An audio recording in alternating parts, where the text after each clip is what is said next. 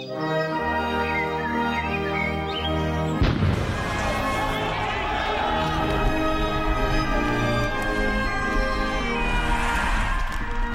ikke få lov til at tage andre menneskers frihed.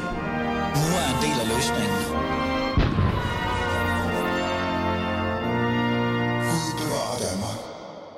Ind med rumfart, det er jo netop at få folk til at tro, at vi bor på en kugle. Det er jo netop at få folk til at tro på, at vi bor på en kugle. Men der er jo ikke nogen, der reelt kan vide, om den her forskning foregår, eller om den forskning den foregår i et tv-studie. Men hvad vil ideen være med det? Altså, hvorfor, hvorfor skulle man gøre det? Det, vil, det er jo helt, helt absurd. Hvordan har du det med, at uh, navnet NASA det er så tæt på nazi? NASA, det er så tæt på nazi. Det har jeg aldrig nogensinde tænkt på. Det har jeg aldrig nogensinde tænkt på. Velkommen til, du lytter til Alis Fæderland, og mit navn er som altid Ali Amin Ali. Det her, det var faktisk en stemme, som man måske kender lidt til, hvis man er meget interesseret i astrofysik, eller bare universet for den sags skyld. Det var Anja C. Andersens stemme, jeg kunne høre. Forfatter, formidler og astrofysiker. Og lad mig bare sige pænt goddag til dig, Anja. Du står faktisk lige over for mig. Hej. Hej, pænt goddag. Tak fordi du var med i, i Fæderlandet. Øhm, den her stemme, Baudin og klippet kommer fra, lad mig bare lige forklare, hvad det er egentlig.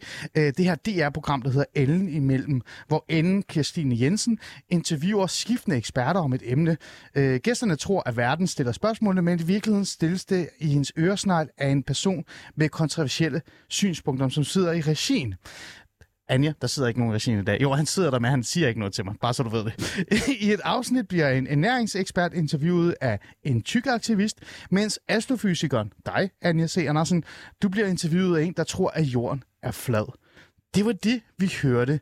Øhm, programmet blev kaldt satire, og jeg stod faktisk også og grinede lidt over øh, hele det her, da jeg hørte det her afsnit. Men jeg, grin, eller, eller klip, men jeg grinede ikke, fordi jeg synes, det var sjovt. Jeg grinede, fordi jeg synes, det var så skørt at udsætte et menneske for sådan noget. Især en fysiker som dig. Øhm, Anja, jeg har jo sagt velkommen til, og øh, programmet i dag kommer jo i virkeligheden til at handle om både om dig, men også dine oplevelser i forhold til det her program, og hvad det egentlig kom efterfølgende. Men lad os bare starte et sted, og det er den her oplevelse. Anja, hvordan var det lige pludselig at være i sådan et øh, maskineri øh, efterfølgende? Jo, men altså selve programmet blev jo optaget i starten af februar og tog en time, og jeg havde jo fået at vide, at det var til DR Ung, og det ville være sådan lidt humoristisk og lidt anderledes. Og, øh, og journalisten, det jeg blev mest mærke i, det var, at jeg blev afbrudt hele tiden, og det synes jeg virkelig var underligt. Øh, og, og der blev ikke reflekteret over det, jeg har sagt. Altså, men, øh, men journalister er jo meget forskellige, så det, øh, jeg drønede bare videre til noget andet. Og så tænkte jeg faktisk ikke videre over det, før jeg den 17. maj modtog en e-mail, hvor der stod, øh, Hej Anja, Øh, programmet bliver sendt i morgen, og forresten vil vi lige fortælle dig, at præmissen for programmet var i virkeligheden en anden end den, du sagde ja til, nemlig at øh, det var ikke Ellen, du snakkede med, men gennem hendes øresnegl, så var det Ole Lokman, som øh, stillede alle spørgsmålene. Og så skrev jeg jo bare tilbage, jamen det kan man da ikke, det er da uærligt, og jeg er uenig. Deres præmis var, at de mente, der var folk, som fik øh, for lidt taletid, som skulle have mulighed for at få taletid på den måde. Den præmis er jeg uenig i, fordi jeg synes jo faktisk, at folk, der mener, at jorden er flad og andre konspirationsteorier, de har faktisk ikke for lidt taletid ude på YouTube. De har måske for meget taletid ude på YouTube om noget. Og når man er DR ungs, hvor man jo, altså hvor jeg jo ser DR som sådan et flagskib, som bør holde fanen virkelig højt, så mener jeg jo faktisk, måske ens fornemmeste opgave er at klæde de unge mennesker på til at finde ud af, hvordan navigerer man ud på YouTube. For der ligger jo alt muligt. Der mm. ligger jo de skønste foredrag af Nobelpristager, hvor man jo nærmest kan tage sådan en helt fysikuddannelse på YouTube, bare ved at se YouTube-videoer. Og så ligger der jo alt muligt øh, slam, som er virkelig i rene bås. Ikke? Og hvordan finder man ud af, hvad der har været? Jeg falder jo selv nogle gange ned i sådan en kaninhul, ja. hvor det, jeg starter på noget, som jeg tror er lødigt, og så sådan fem minutter inde i, i, så er det jo sådan noget jødernes skyld, og det hele er et eller andet, hvor man tænker, hold da op, hvad er det nu, jeg er kommet ind i? Og der synes jeg jo måske, at det er vigtigt, at unge mennesker kan navigere i det. Nå, mm. men det var de så ikke enige med mig i. Nej. Så de, øh... ja, og det startede jo så en, en debat, en diskussion, men også et fokus på øh, viden og videnskab, astrofysik, men også forskning for den sags skyld over, øh, i virkeligheden. Og det er jo det, bare lige for at få noget på plads, det er jo det, programmet i dag kommer til at handle om, Alice Fæderland. Det er jo netop, øh, at jeg har Anja C. Andersen i studiet, astrofysikeren, forfatter, formidler og mange ting, men også en person, der faktisk satte en debat i gang, uden jeg ved, om du selv er bevidst omkring det, det her med, viden er altså ikke noget, man bare skal lave sjov med. Øh, man skal huske, at det er faktisk er vigtigt det her. Det, der, er noget, der er noget faktuel alvorlighed i det her, og det skal man være opmærksom på det er det, vi skal komme til at forholde os til. I kan jo som altid skrive ind øh, øh, til programmet på 92 45 99 45, hvis I har spørgsmål til mig, til Anja, øh, og også hvis I har spørgsmål omkring aliens. Jeg ved det ikke, men I er velkommen til at stille en masse spørgsmål, I lyst til øh, øh, i forhold til det. Men, men, men Anja, det var jo så det, du lige pludselig endte i. Ikke? At det var komik, det var satire, og det, du havde så ikke forstået det og sådan nogle ting.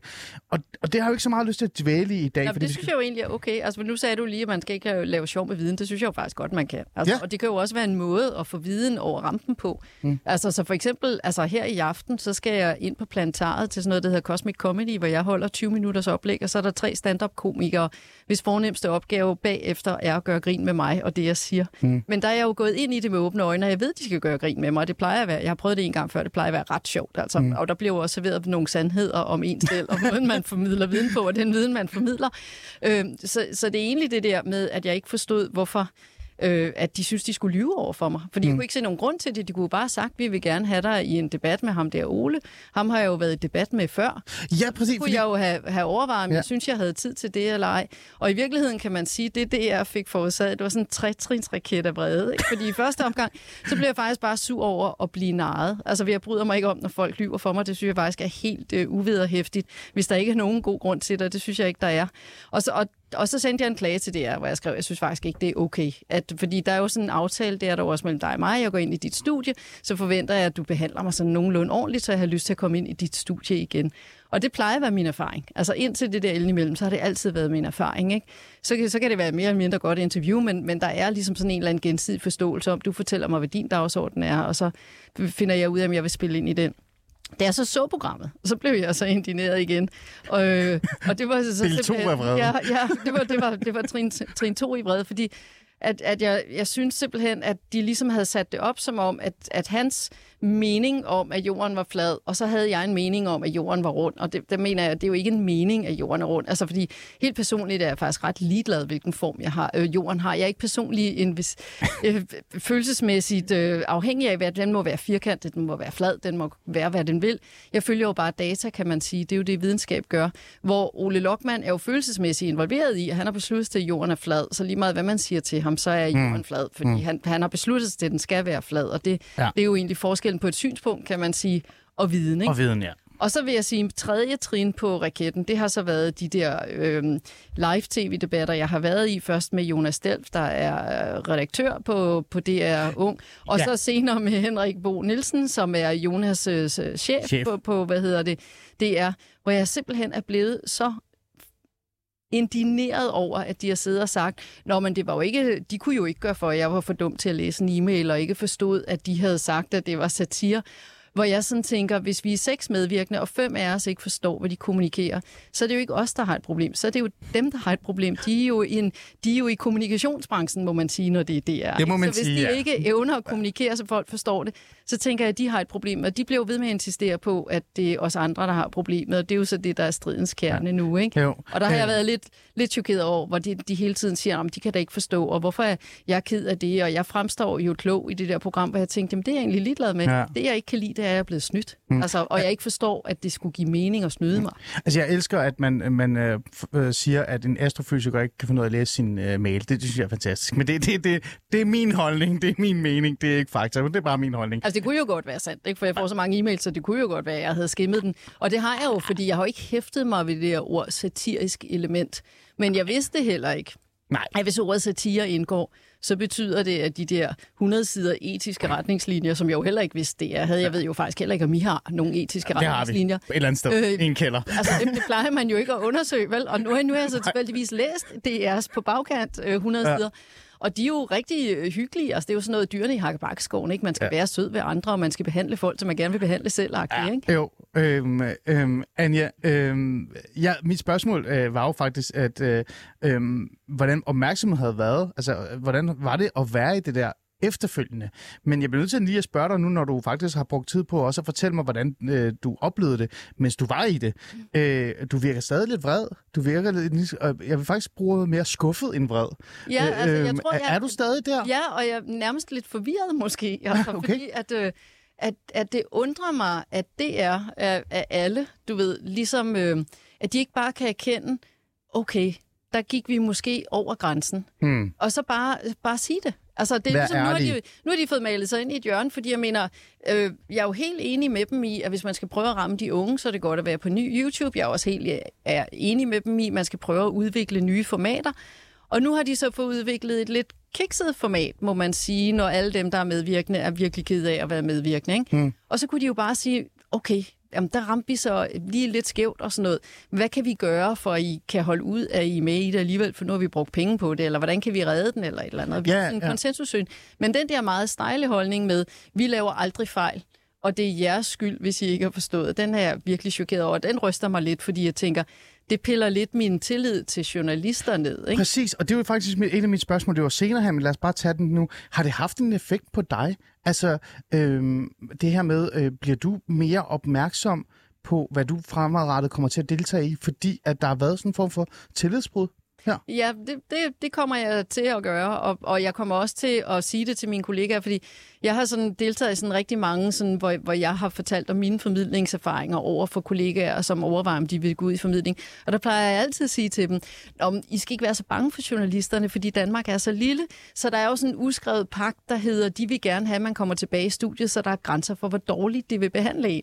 Og det kommer jeg ikke til at sige igen, ikke? fordi mm. nu har jeg jo så erfaret, at der findes to unge journalister, som faktisk er ret ligeglade med, at de træder øh, nogen under fod, bare de selv kan komme frem. Ikke? Mm. Og det har jeg simpelthen ikke oplevet før. Så det er jeg faktisk en lille smule rystet over. Og en ting er, at to helt nyuddannede journalister kommer til det. Men så er jeg faktisk lidt overrasket over, at de mere erfarne redaktører ligesom ikke kan gå ind og sige, hov, nu skal I høre, det der det er en rigtig mm. dårlig idé for os alle sammen, fordi det- det- at vi skal jo ikke gøre folk kede af det, medmindre det har et højere formål. Altså sådan noget skjulkamera, hvor man skal afsløre et eller andet for nationens store hemmelighed. Ja. Ikke?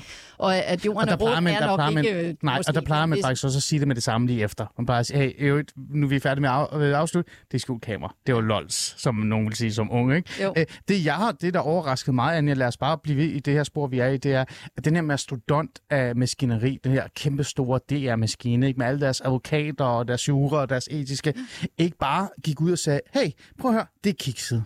Det var en fejl. Mm. Ja. Beklager. Punktum. Æ, Og det er jo det okay, når man er et kæmpe stort mediehus, der laver rigtig meget. Altså man kan jo i virkeligheden sige, hvis de aldrig nogensinde begår en fejl, ikke? Hmm. så laver de jo i virkeligheden en super kedelig radio. vil altså jeg på også en eller anden mene. måde, ikke? Altså så, så, på en eller anden måde, hvis man hele tiden skal forny sig, så skal man jo begå en fejl en gang imellem. Altså, Ja, så må man bare alle kende det man, bagefter. man skal jo finde ud af, hvor, hvor går den magiske hvide streg, ikke? Hmm. Ja, så kom der jo det her hashtag ud af det, ikke? Jo, men det var, og det skete jo, fordi jeg sad i presselogen på, på TV2 øh, med, med Jonas Delf, og, så, og hvor han prøvede at forsvare, hvorfor det gav mening at sætte en forsker over for en flad jord, som om, at de var to ligeværdige. Og hvor jeg simpelthen blev så vred, så jeg kom til at bande på tv, og det, det har min mor påtalt. Det var hun faktisk ikke særlig imponeret over. Hun mente, jeg var lidt Okay. dårligt opdraget der. Nå. Fordi jeg kom simpelthen til at sige, at viden er fandme ikke et synspunkt. Ja. Øh, og så øh, var der en, jeg kender, øh, hun sagde, det skal du simpelthen, det skal du bruge som hashtag. Hmm. Det er et hashtag. Og så må jeg sige, så har det virkelig været fascinerende for en forsker som mig at se, Og se, hvordan den bare at bare fordi man smider et hashtag ud, hvad der kan ske med det. Ikke? Fordi det, som jeg så synes er super spændende nu med det der hashtag, Ja. det er jo, at nu bliver det jo brugt i alle mulige sammenhæng, og, til, og også taget helt ud af den oprindelige sammenhæng, som bare var, at jeg synes, at hvis man har noget, som er ligesom etableret viden over for noget, som ikke er etableret viden, så skal man huske at bare deklarere og så mm. sige, om det her, det er altså noget, vi, vi har vidst i 4.000 år, så kommer der en, der tilfældigvis synes noget andet, men ikke har særlig meget belæg for det. Det bør man bare deklarere. Mm. Men, men nu giver det jo alle mulige gode diskussioner, og det er jo så det, jeg er glad for på bagkant af hele den her. Det er jo, at vi kan diskutere alle mulige ting om, jamen, hvad er viden, og hvad er et synspunkt, og hvad skal relationen mellem forskere og journalister være? Er forskere mere sarte end politikere? Skal vi behandles på en anden måde? Øh, skal, skal, hvordan skal journalister invitere folk ind? Hvor meget skal de informere? Hvor meget skal forskere deltage i? Skal vi stille op til alting, eller er det okay, vi siger nej? Og, sådan noget. og, og i virkeligheden, hvad er viden? Og, og fordi inde i de akademiske kredse, så Ja. er der jo mange folk, der sådan siger, at det starter jo med et synspunkt, Anja. Så dit hashtag giver jo ikke mening, fordi der er jo meget viden, som jo egentlig starter lidt med, jamen jeg tænker, jeg synes, jeg fornemmer, jeg tror, det er sådan. Og det er jo Præcis. rigtigt.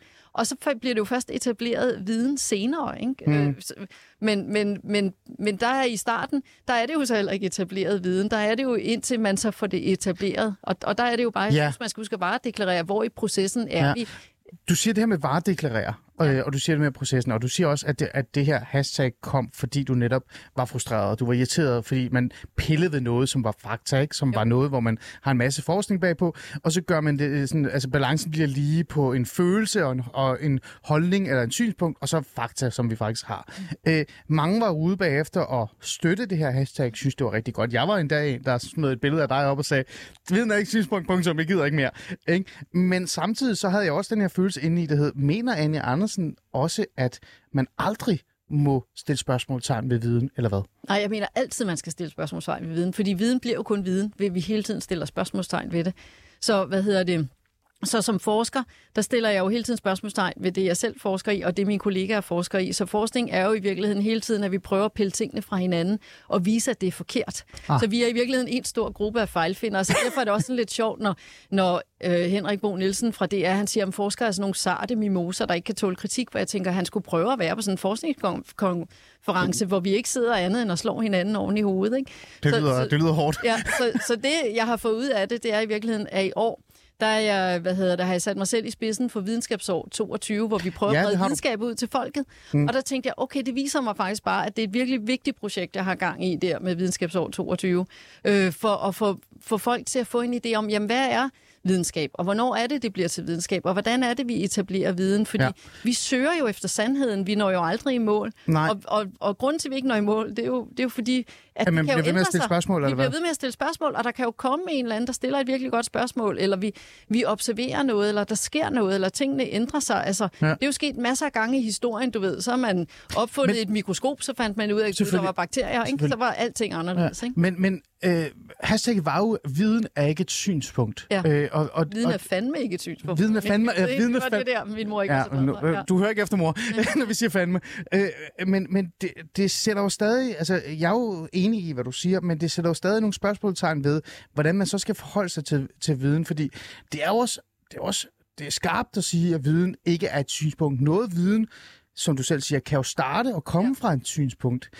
Kan man ikke også sige, Anja, at noget viden kan også være præget af synspunkter, som så ender i faktuelle, øh, hvad hedder det, jamen, altså i fakta, men det startede som et synspunkt, så derfor så er det relevant nok at påpege, at så kan det også godt udfordres med andre synspunkter.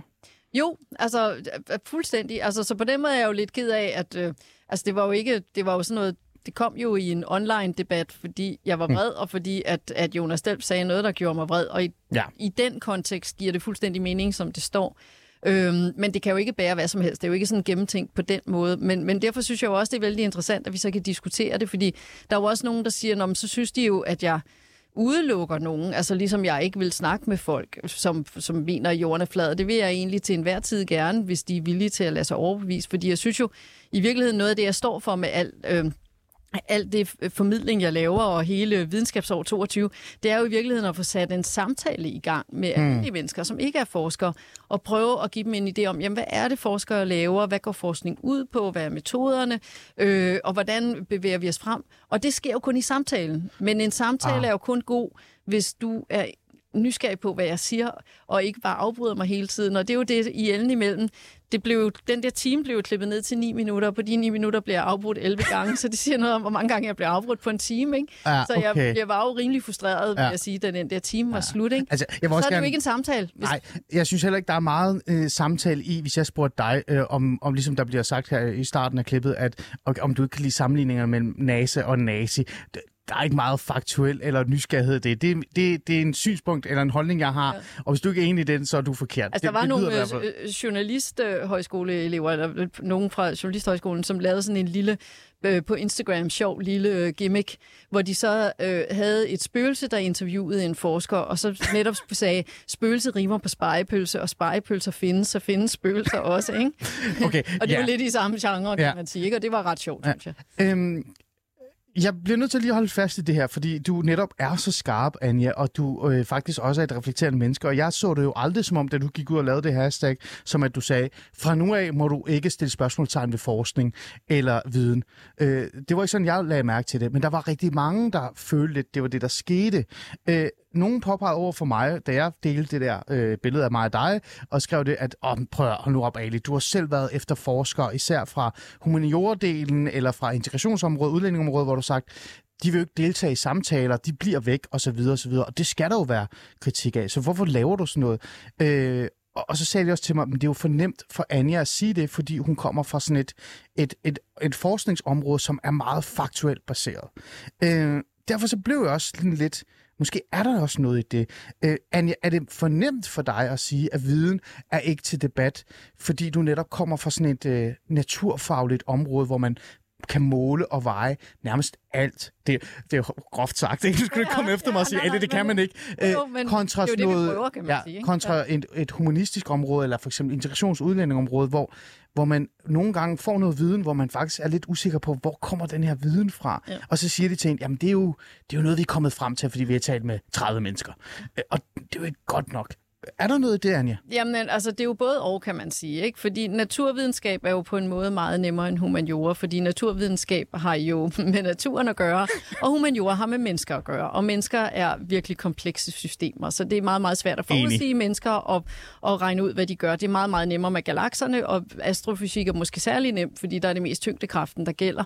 Men når det er sagt, så forstår vi jo ikke præcis, hvad tyngdekraften er, og det er sådan, at vores forståelse af universet i dag, det er at 95 procent af det, der er i universet, det, det består af mørk energi og mørk stof, som vi endnu ikke har fundet ud af, hvad er. Så vi, vi plejer at sige til vores studerende, at vi har styr på 4-5 procent af, hvad der, hvad der findes i universet. Ikke? Så, Jo. så på den måde er, er vi både en eksakt videnskab, men alligevel ikke, fordi der er rigtig meget, vi ikke har fundet ud af endnu.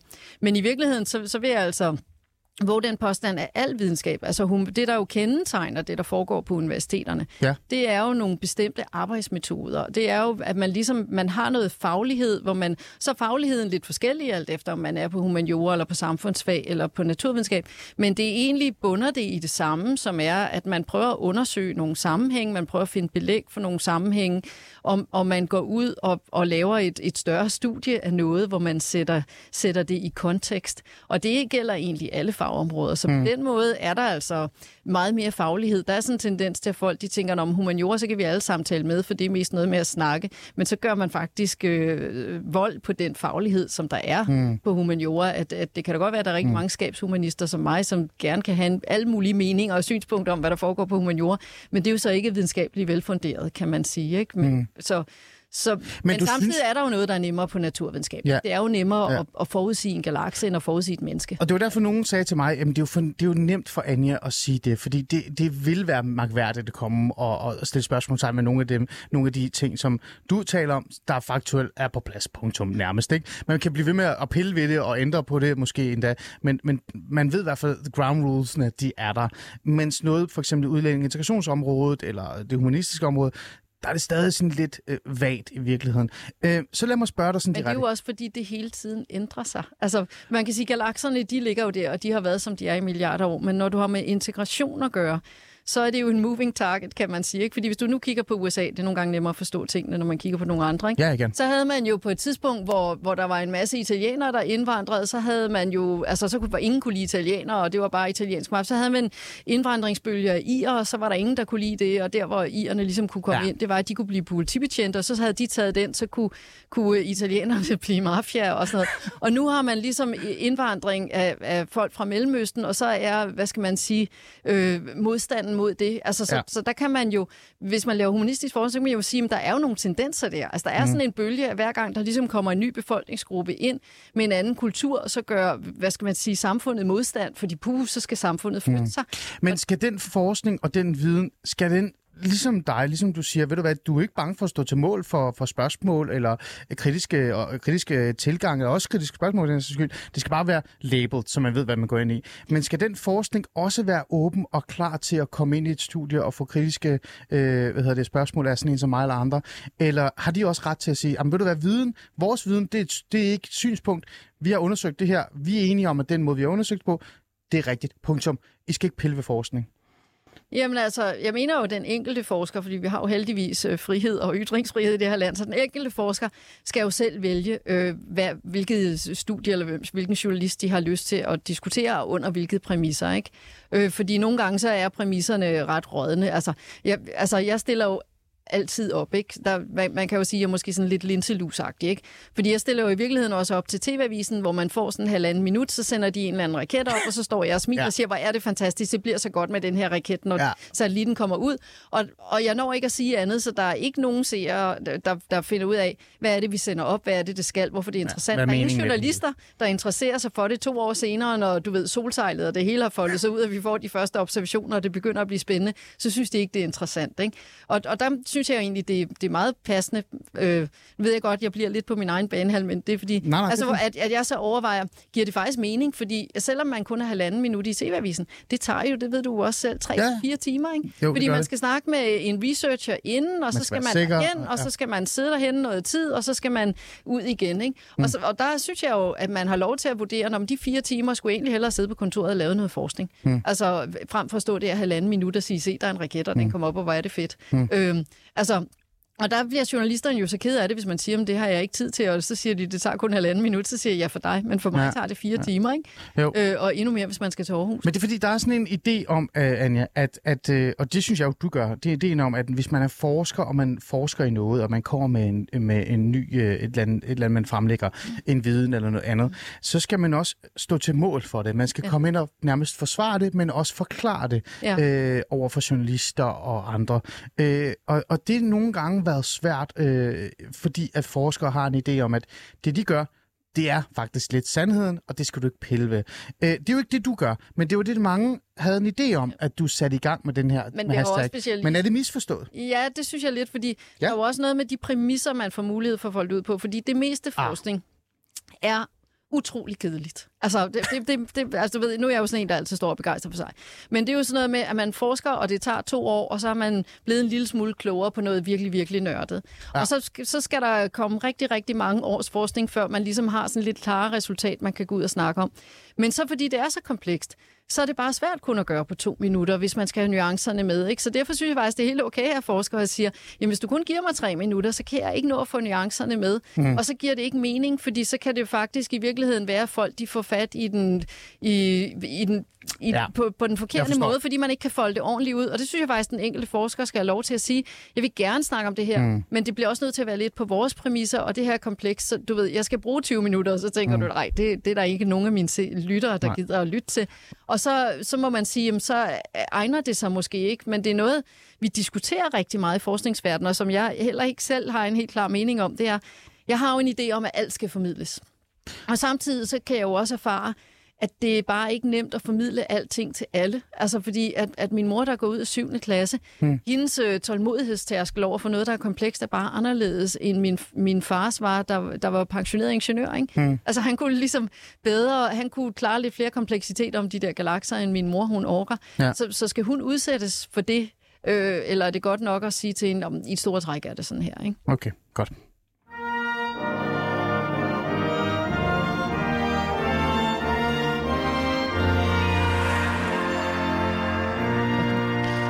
Jeg lavede lige en skiller, fordi jeg tænkte, det, det er sgu meget sundt. Øh, vi er godt i gang med vores øh, program øh, her i dagens program øh, i Alice Fæderland.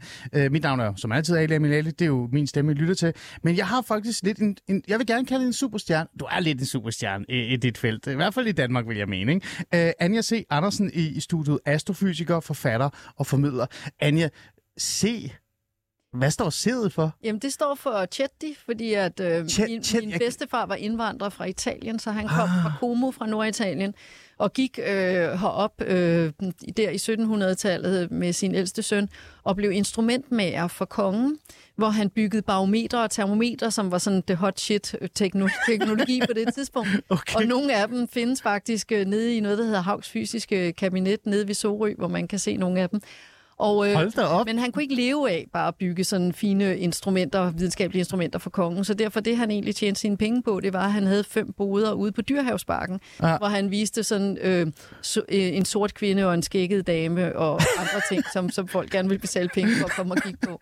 Okay, det, det, prøv, at- jeg bliver meget mere nysgerrig i den historie, end det vi taler om i dag. Men, men, men dejligt at få det øh, på plads. Øh, Anja, du er jo inviteret i studiet hos mig i dag, fordi jeg er, er både nysgerrig i forhold til, hvordan var det at at komme igennem hele den der, det der cirkus, du var igennem, efter du var med i det her tv-program, øh, DR's program Ellen imellem, hvor Ellen Kirsten Jensen interviewede dig, men det var faktisk ikke hende, der interviewede dig. Det var en anden en via hendes øresnart, der interviewede dig der er sket en masse ting. Der kom en masse kritik af det. Du startede øh, et hashtag, der hed Viden er ikke et synspunkt. Øh, det blev faktisk øh, både rost, og der kom en masse backup på det også. Øh, folk var enige i, i at øh, det skulle man lige huske på. Øh, men der var også mange, der begyndte at stille det spørgsmål, der hedder, betyder det så også, at Anja siger, at vi aldrig må øh, stille spørgsmålstegn ved viden? Det vi snakker om de første halve time. Hvordan var det at være i det? Og må man egentlig godt stille spørgsmålstegn ved viden? Og det du siger til mig, det er, det må man selvfølgelig må man det. Det gør vi jo Det selv hele tiden. faktisk, ikke? Ja, det er jo det, vi lever af i virkeligheden selv. Altså, det Ikke? er jo ikke viden, hvis du ikke stiller mig spørgsmålstegn om, hvor jeg har Ja. ja. min viden fra. Ja. Man skal Så bare det være jo, god til at... så er det jo bare, at jeg siger noget til dig, som du ikke forstår. Altså, Præcis. det bliver jo kun viden, Ja. ja. hvis du forstår, hvor det kommer fra. Ja. Ja. Og det finder du kun ud af ved at spørge. Nemlig. Øh, men det er vigtigt at, at huske at label the brand, så man, godt, så man i hvert fald det mindste ved, hvor, hvor, er, hvor er samtalen henne, hvor starter man henne, osv. osv. Det er jo det, der gjorde dig allermest øh, vred. Det vi talte om den første halve time, og så begyndte jeg stille og roligt at bevæge, bevæge mig hen imod, hvad er det så for en viden, og kan man, som jeg sagde, stille spørgsmålstegn ved det, og hvad kan man også få ud af det i virkeligheden? Øh, og, og du fortalte, mig rigtig godt. Noget, jeg gerne vil lige have fat i, uh, Anja, før vi går videre i forhold til, hvorfor du overhovedet selv er astrofysiker, og hvordan kan vi egentlig få flere unge til at være interesseret i astrofysik? Ikke? Det vil jeg jo rigtig gerne have. Uh, og det er jo det, du bruger mest af din tid på også, ud over din forskning. Så kan jeg jo ikke lade være med at, at tænke på, at jeg lagde jo mærke til, at du allerede i april 2021 jeg læste den og blev sådan meget fascineret af det, skrev, øh, eller blev interviewet, eller hvad man kalder det, øh, i, øh, i øh, hvad hedder det, Altinget Forskning, fordi at du havde øh, skrevet en bog, eller kom ud, udkom med en bog, hvor du sagde, at politikerne vil styre for meget og glemmer grundforskningen. Mm. Øh, Anja, det vil jeg gerne have med, øh, nemlig, fordi øh, forskning er jo en sjov ting, men det, jeg synes, der er, der er interessant, og det, jeg får ud af, efter jeg har talt med mange forskere, øh, og mange, som faktisk heller ikke vil være med i mit program, fordi de er sådan lidt, åh, hvad vil du nu stille mig spørgsmål omkring? Alle siger, at, at grundforskningen, det vigtigste forskning, det bliver glemt en lille smule, mm. øh, fordi politikere og meningsdannere og alle andre er meget mere interesserede i det der højaktuelle højspændingsforskning, så der kan komme noget debatter og noget. Øh, Anja, tror du, det er det, der er skyldes, at der er så meget debat og diskussion omkring forskning og forskere og interviews osv. osv. Det er fordi, vi på en eller anden måde har glemt at have fokus på det der grundforskning, som faktisk giver os noget, der er vigtigere end bare de der, øh, hvad hedder det, pay-per-views eller peer-views? hedder Peer reviews, Ja, ja. og, og så videre. Er, Ja. er der noget i det også? Ja, altså, så, så bare lige for at hjælpe lytterne lidt. Så grundforskning, det er jo egentlig der, hvor en forsker bare graver sig ned i noget. Bare fordi de gerne vil forstå, hvordan det er. Man vil gerne vil forstå verden. Det kan være at forstå mennesker, eller forstå samfund, eller forstå naturen. Hmm. Øh, og så er der anvendt forskning. Det er så der, hvor man tager noget grundforskning, som typisk er 20-50 år gammelt. Så Ja. derfor man ligesom er valid. Man har fundet ud af, okay, det er sådan her, det er. Og så bygger man videre på det. Og så bruger man det i en, i en samfundskontekst, øh, hvor vi kan bruge det til noget. Så bare for at give et eksempel på noget. Ja. Der har sad tilbage i, øh, i 40'erne og 30'erne, så sad der nogle øh, forskere, som gerne ville forstå, hvad atomer var. Så de ville gerne forstå, hvad atomkerner var, hvordan elektronerne bevægede sig rundt. Og, øh, og der er det sådan, at atomkerner de har noget, der hedder et magnetisk moment, og det, der drev de der forskere, som var fysikere, ud af seng om morgenen, det var, at de var bare sådan, hvorfor har atomkernerne et magnetisk moment, og hvad vil det sige, og hvad, hvad kan det, og sådan noget. Og det endte de så med at beskrive, og, så- og så kan man jo sidde og tænke, jamen, hvad skulle man bruge det til? Men det har så vist sig, at det er det, man bruger IMR-scannere.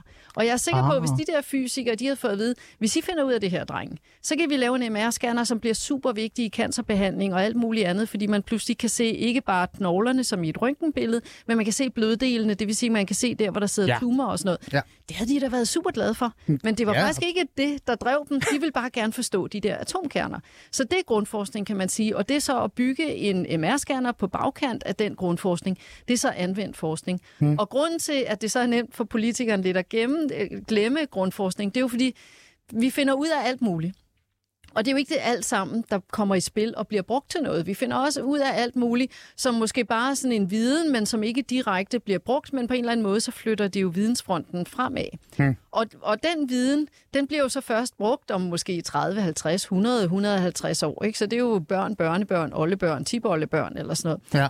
Og de ved jo ikke, hvad de går glip af. Og de er jo ikke vælgere endnu, kan man sige. Så derfor, at når, når der ikke er så mange penge tilbage i kassen, så er det jo nemt, at alle er meget positivt stemt over for grundforskning. Jeg har ikke snakket med nogen politikere, der ikke synes, at forskning Nej, det har jeg heller ikke. Nej. Men det er jo klart, når man sidder der sent om aftenen, og så er det hospitalerne, eller de gamle, eller børnehaverne, Så eller man- grundforskning, ja. så grundforskning skriger jo ikke rigtigt? Nej. fordi det er jo sådan noget til Ja. fremtiden-agtigt. Det er jo Ja. lidt ligesom pensionsordningen hjemme i husholdningen. Det er jo heller ikke, man lægger ikke penge til side til pensionen, hvis man mangler til huslejen, vel? Nej, men, og det er jo det, mit spørgsmål det er sådan lidt, bliver det prioriteret mindre, end de gjorde før i tiden? Altså, fordi det, det har jeg en følelse af, det gør. Når jeg taler med forskere og siger til dem, jamen nu har du lavet det her, og jeg vil gerne have dig i studiet for at lave, en- have en debat omkring den, og den, her, den her forskning, så siger de til mig, men det vil jeg gerne og sådan noget, men i virkeligheden så er grunden til, at vi står her, og jeg er nødt til at lave det her, som vækker en masse, jeg ved det ikke, vrede eller irritation og sådan noget, det er fordi, jeg ikke kan få lov til at lave min grundforskning. Er, er der et problem her? Ja, altså jeg synes jo, og det er jo klart, fordi jeg selv laver grundforskning, så jeg synes jo selvfølgelig, at grundforskning øh, får for lidt.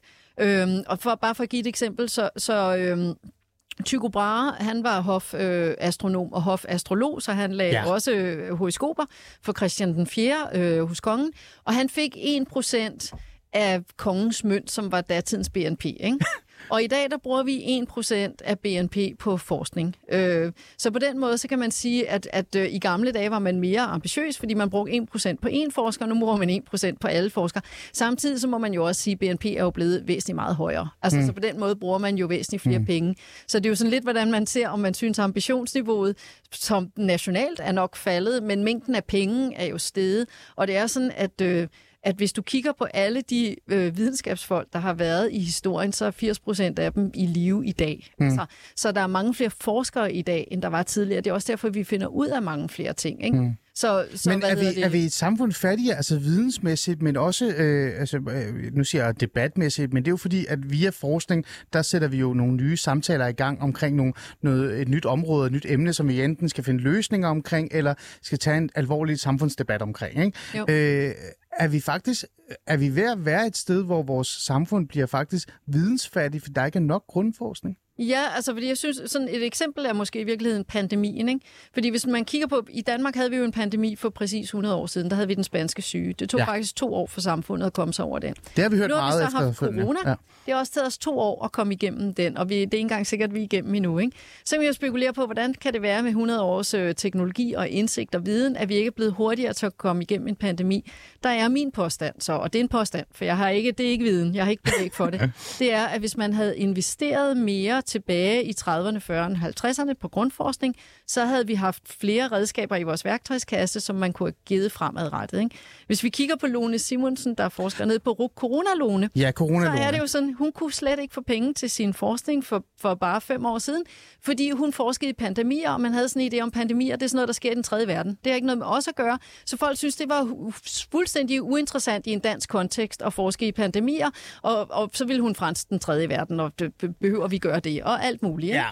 Nu har man indset, så nu får hun jo heldigvis forskningspenge, ikke? Og der kunne man måske have ønsket, at man havde givet hende nogle forskningspenge for 10 år siden. Så havde vi måske været bedre rustet, kan man sige, ikke? Altså, ja. så, så derfor er det jo enormt svært at svare på, fordi det er jo altid nemt at være bagklog, ikke? Og, Men og, og kigge tilbage. Ja. Men jeg synes bare, det er enormt vigtigt, at folk forstår, nu mindre vi investerer i grundforskning, nu bedre rustet er vi til den formentlig mere komplekse fremtid, vi står overfor. Fordi det er det, der giver redskaberne til, hvordan kan man lave et mere bæredygtigt samfund og klimaudfordringerne, hvor man måske faktisk, der er jo sådan meget en tendens til, at folk de tænker, hvis vi skal leve mere bæredygtigt og mere øh, komme klimamålene i møde, så får vi alle sammen et kedeligere liv. Der er sådan enormt meget fokus på, Ja, ja, nej, så kan jeg ikke have min dieselbil, Ja, ja, og ja, jeg kan ja. ikke spise min bøf, og jeg kan ikke ja. alt muligt øh, du ved, hvor, hvor, hvor jeg sådan tænker, jeg kunne godt tænke mig, at vi kunne begynde at diskutere, sådan have nogle visioner og sige, kunne man faktisk forestille sig et samfund, der var federe end det, vi har?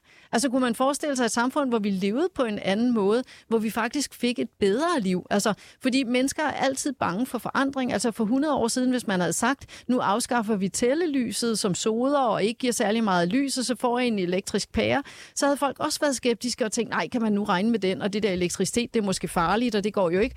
Og hvor vi i dag tænker, jamen tællelyset ved vi er farligt, fordi det giver simpelthen øh, sod i lungerne Ja, ja, ja, ja. og lungesygdom og sådan noget. Ja. Det, det, det, altså, så, så i virkeligheden kunne jeg godt tænke mig, at vi alle sammen måske, fordi vi jo er utrolig veluddannet samfund. Altså, folkeskolen er jo langt, langt bedre i sit rygte. Den danske befolkning er langt mere veluddannet, end de selv er klar over, mm. heldigvis. Mm. Ikke?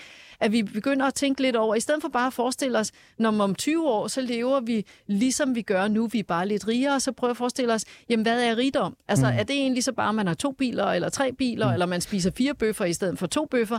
Øh, at, at man tænker, måske er et rigere liv også alt muligt andet, mm. som vi lige nu ikke har så meget af, det lyder, det lyder, er nær- at få. ja, det lyder nærmest som om, at øh, mere grundforskning vil faktisk gøre det nemmere, både for politikerne, men også for os andre, til at at acceptere den udvikling og den øh, ændring, der skal måske til, at, at, vi kan opnå de mål, vi faktisk alle sammen har. Det der med grønnere øh, og bedre klima osv. osv. osv.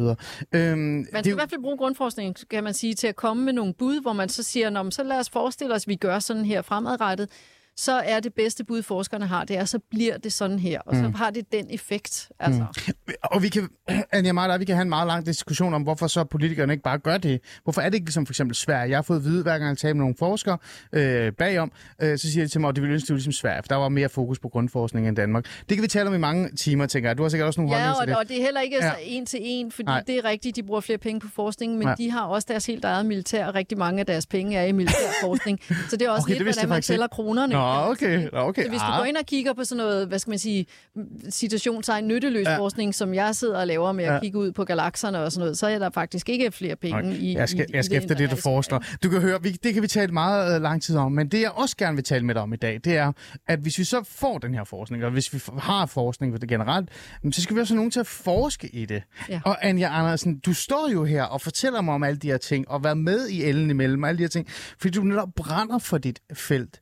Øh, Øh, nu skal vi lige bruge det sidste kvarter på at tale om, hvorfor du overhovedet brænder så meget for det her. Øh, fordi en af de ting, jeg har lagt mærke til, når jeg taler med dig også, vi, jo, vi sidder jo i det her panel, Nyhus og K på TV2 sammen, øh, det er, at det altid ender med, at du sidder og formidler viden til mig, øh, og du fortæller mig, hvor meget du brænder for at få andre til at blive interesseret i, i det her øh, naturfaglige område. Øh, Anja, øh, hvor vigtigt er det egentlig? Altså, fordi astrofysiker, det er jo ikke noget, alle kan blive, men hvor vigtigt er det her naturfaglige område virkelig? Jamen altså, i, i virkeligheden, altså, ja, så kan man nok, i virke, hvis man vil være sådan lidt, lidt negativ, så kan man sammenligne mig med sådan en præst, der er på mission. ikke? Fordi jeg okay. tænker sådan lidt, ja, altså det der kan med, også være positivt. det fede ved at få indsigt i naturvidenskaberne, det er, så forstår man naturen meget bedre, og nu bedre man forstår, hvad der foregår i naturen, altså hvorfor bladene er grønne, hvorfor træstammerne er, som de er, øh, hvorfor solen skinner, som den gør, hvordan, øh, Ja. ja. hvorfor der er skyer og alle mulige ting nu større glæde får man af naturen, fordi man simpelthen indser, jamen det er jo nærmest sådan helt mirakuløst, som tingene er, og, og de lige er sådan. Og, og når man så forstår det, så kan man jo også lade fantasien få frit spil og begynde at tænke, jamen hvis vi så har planeter andre steder i universet, vil planterne så også være grønne, eller vil det give mere mening for planter at være sorte, fordi så kan de absorbere alt muligt sollys, og hvis nu de mm. har en anden stjerne. Og, mm. øh, så i virkeligheden, så, så vil jeg jo bare gerne have, at folk skal forstå, at hvis de øh, interesserer sig lidt for, for, for hvad hedder det, naturfagene og får lidt indsigt i det, så kommer det til at give dem en meget, meget større glæde. Ikke? Jeg vil gerne dele den der glæde, jeg selv har med Ja, og det har du jo øh, virkelig, og man bliver faktisk glad af at bare stå i studiet og tale med dig omkring astrofysik og, og, og forskning. Men du bruger også meget tid på at formidle den her viden, øh, astrofysik og naturvidenskab til børn. Ja. Øh, hvorfor lige børn? Øh, fordi man kunne jo godt tænke sådan, om hun kunne jo tjene masser af penge, og bruge masser af tid på at fortælle det til folk, der er enige med hende, eller er interesseret i området, øh, altså du ved, ældre, eller for den sags skyld, øh, gymnasieelever osv., osv. Men du er også helt nede hos, hos børn. Hvorfor er du det? Jamen det er jo fordi, altså børn er jo samfundets vigtige, re- vigtigste ressource, ikke? Altså vi burde jo, altså det er jo også derfor, for nu at vende tilbage til DR, jeg er sådan lidt, lidt olden på DR Ung, fordi DR Ung burde have de skarpeste journalister, og de burde lave det bedste tv Ah. mod, rettet mod unge mennesker, fordi Mm. mm. det er simpelthen det, det vigtigste. Og, og det, er jo, det er jo simpelthen fordi, at børn er nysgerrige. Altså, så det er skønt at snakke med børn, fordi børn er født nysgerrige. Altså, så inden voksne tager nysgerrigheden ud af dem ved at sige, at de skal sidde stille, eller de ikke må interessere sig for noget, de ikke må skille ting ad, så er børn bare nysgerrige, og de elsker jo at stå og hoppe i en vandpyt og se, hvad sker der med vandet, Ja. og hvordan sprøjter Gud, det, ja. og alt muligt. Ja, ja.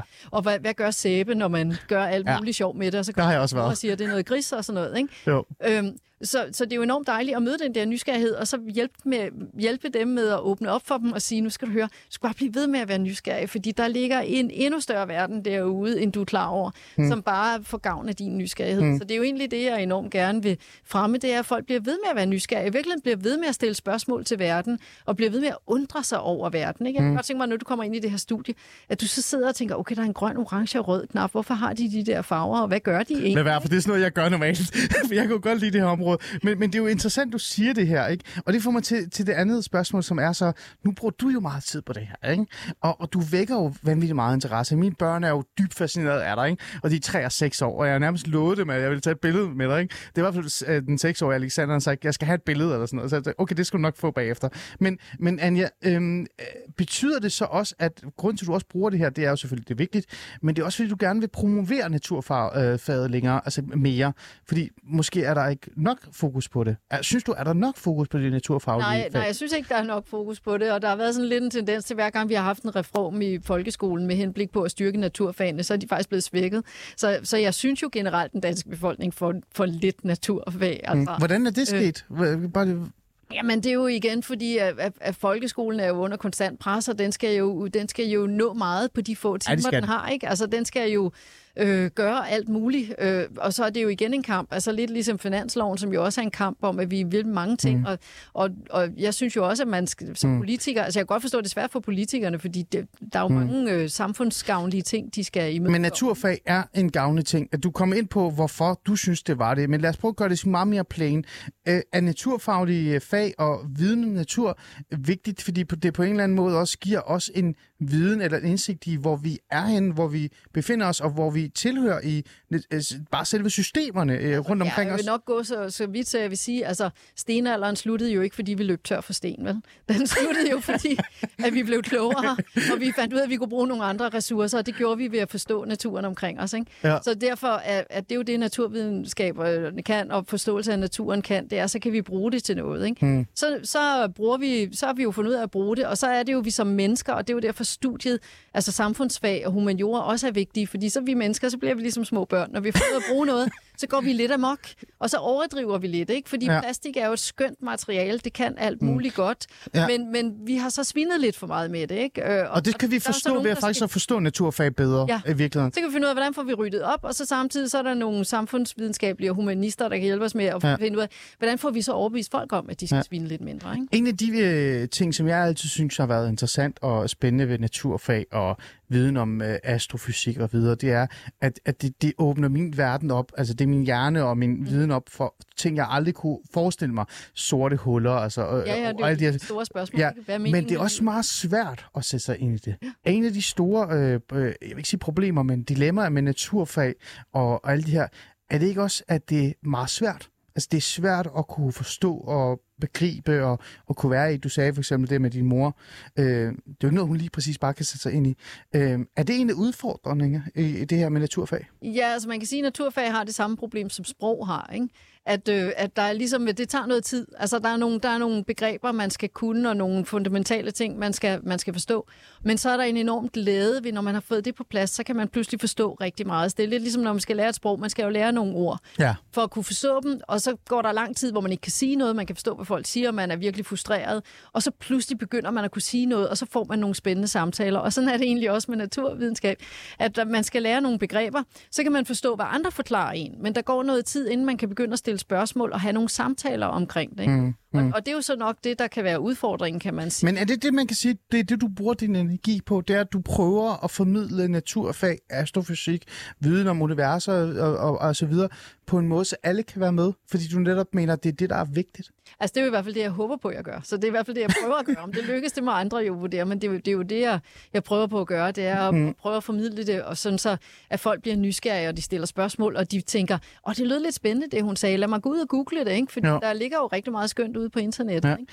Du deltog jo i en debat i Folkemødet, under Folkemødet. Ja. Øh, det, er, det er faktisk ikke noget, jeg... Det, det er en, der siger det til mig ude til regien. Det var Lasse, min, øh, min søde tilrettelægger, der lige fandt det. Øh, der, han sagde til mig, at du har deltaget i en debat under en folkemøde, hvor en af budskaberne var, at vi skal bruge naturvidenskab til at være mennesker. Hvordan skal det forstås? For det synes jeg var ikke så meget interessant. Jamen, det er jo, altså, så i virkeligheden, altså, der er jo, det er jo sådan, at naturvidenskab, når man forstår det, så bliver livet jo bedre som menneske. Ikke? Altså grunden til... Og det er jo en stor ting at altså, sige. jo, men altså, altså Tycho Brahe, han døde jo, da han var på min alder. Da jeg var yngre, synes jeg, han døde ung, nu synes, eller blev gammelt. Synes han blev meget gammel, nu synes jeg, han døde alt for ung. Og grunden til, at jeg bliver så meget ældre end ham, og har et meget bedre liv, og i meget bedre form, øh, og har mange færre sygdomme, det er jo takket være naturvidenskaberne, ikke? At vi har fundet ud af, at vi Ah. kan, vi kan, hvad hedder det, helbrede alle mulige ting, fordi vi forstår kroppen meget bedre, så vi kan, vi kan få et, et meget bedre liv, ikke? Mm. Så derfor er naturvidenskab jo i virkeligheden, det er jo noget med forståelse bare for den glæde at forstå, men så kan vi jo bruge det til at få et bedre liv. Så i virkeligheden er naturvidenskab og naturvidenskabelig dannelse, hvis man vil gå helt op på den høje klinge, Ja, det er jo i gerne. virkeligheden noget med at skabe bedre liv for mennesker. Og, og derfor vil jeg også gerne aflive en anden øh, misforståelse omkring naturvidenskab. Jeg Ja. hører nogle gange specielt unge piger, som siger, at det der naturvidenskab, jeg vil gerne noget med mennesker. Og der vil jeg gerne sige, at naturvidenskab, det er faktisk noget med mennesker. For der er sådan en myte om, at så sidder man som forsker på sit kontor med lukket dør helt alene i syv år, og så udtænker man et eller andet stort, og så åbner man døren og råber det ud på gang og siger, hør, hvad jeg har fundet ud af. Men sådan fungerer det ikke i praksis. Det fungerer i praksis, at vi har en forskningsgruppe, og vi arbejder tæt sammen, og vi pingponger idéer af hinanden, og vi arbejder mm. sammen om de store kikkerter eller satellitter, eller dem, der, der borer iskerner op på Grønland for at forstå klimaet. De, de der mm. huller i isen op på Grønland kræver ret mange mennesker i samarbejder, og ret mange forskellige lande, Ja. ja. og det er meget internationalt også. Så der er masser fordomme også om det. Altså jeg, jeg tænker jo altid, når man tænker naturfag, så tænker man også, åh, det er de klogeste, ikke? Altså de, de er så kloge, at de er derovre, og så må vi andre forholde os til nogle andre ting. Er, er der, er der, skal der også have været et opgør med det? Ja, det skal der. Altså, så jeg er jo selv et meget godt eksempel på det, ikke? Altså, fordi da jeg blev færdig som student, så jeg var jeg er så gammel, så jeg, var, jeg blev student første gang, Bertel Hård, der var undervisningsminister, og han blev ved med at sige, at man skulle blive ingeniør. Og så bliver man jo påvirket af det samfund, man er en del af, så jeg tænkte, og jeg ville jo gerne være astronom, og så var der masser, der sagde til mig, det kan man jo ikke leve af, skal du ikke lave noget med fremtid i? Og så tænker jeg, det kunne godt være, at jeg skulle være ingeniør. Men jeg havde simpelthen ikke snit nok til at komme ind på DTU. Øh, så, så Siger astrofysikeren. Men jeg kunne godt komme ind på Niels Bohr Instituttet, for der var ikke nogen adgangsbegrænsning. Ikke?